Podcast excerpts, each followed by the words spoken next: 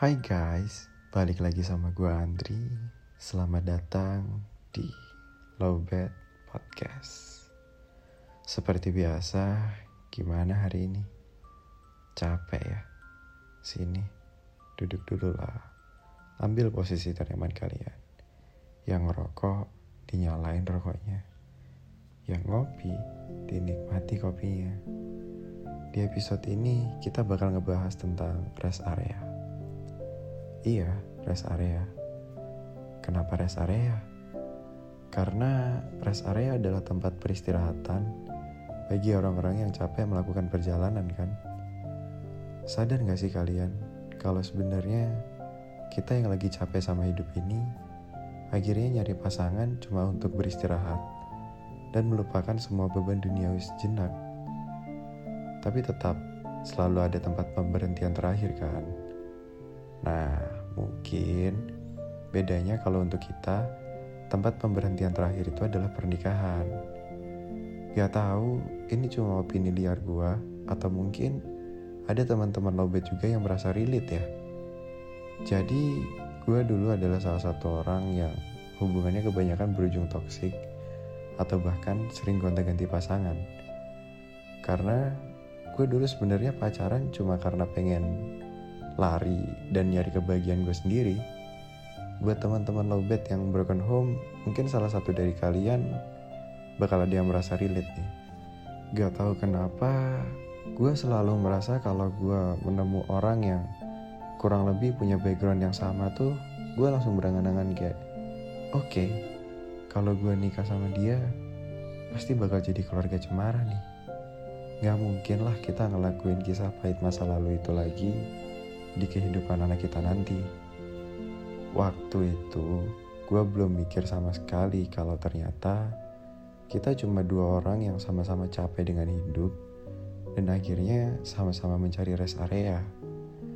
Gue pikir menjalin hubungan sama orang-orang yang punya masalah, beban hidup, atau apa pun itu yang relate sama kita bakal berujung happy ending. Tapi gue salah gue sih nggak nyalain teman-teman lobet yang berbuat atau melakukan hal-hal tersebut ya. Tapi kalau dipikir-pikir gimana caranya dua orang yang sama-sama capek dan sama-sama butuh pertolongan berusaha saling mengobati dan menolong satu sama lain? Padahal di lain sisi dirinya sendiri butuh diobati dan ditolong dalam waktu yang sama. Mungkin kita lupa sebelum kita membahagiakan orang lain, satu-satunya yang harus dibahagiakan terlebih dahulu adalah diri kita sendiri. Kenapa?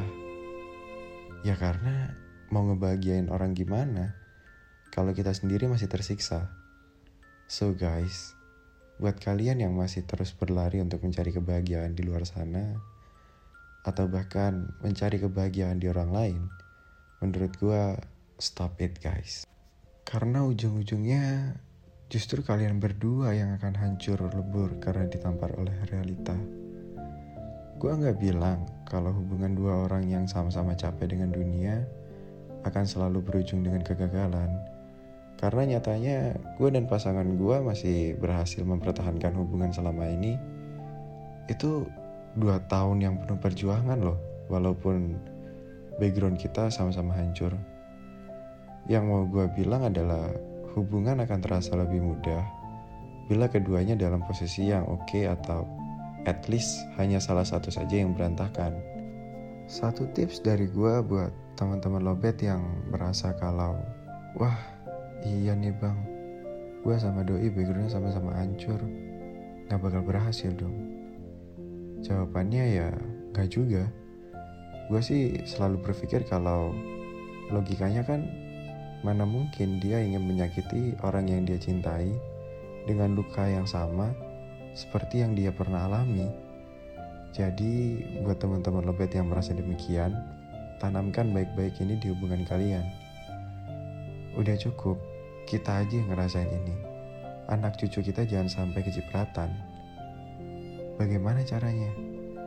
Gunakan ego kalian sebijak mungkin, guys. Tapi susah bang kontrol ego. Trust me, just love yourself first and you will understand what I said about controlling the ego. Kalau kalian happy, ego itu nggak mungkin bakal terbakar seperti api yang membara. Satu lagi, perjuangkan apa yang menurut kalian pantas untuk diperjuangkan, dan tinggalkan apa yang menurut kalian tidak pantas diperjuangkan. Kenapa gue bilang demikian? Karena ada kuasa yang lebih besar dari rencana manusia. Semua tepat sesuai pada porsinya dan akan datang pada waktunya. Rahasia langit tidak akan pernah bisa diintip hanya dengan ramalan bintang. Itu karena takdir ditulis sempurna oleh semesta, bukan dikutip dari karangan bebas manusia. Dari gua, mungkin itu dulu guys. Buat teman-teman lobet yang lain, gak bosen-bosen gue ingetin untuk sharing keluh kesah kalian yang gak bisa terlampiaskan ke sosmed gue yang tertera di deskripsi ya. Jangan lupa untuk follow dan nyalain lonceng notifikasi Lobet Podcast supaya kalian gak ketinggalan cerita-cerita berikutnya. Gua Andri pamit undur diri. Sampai jumpa di episode berikutnya.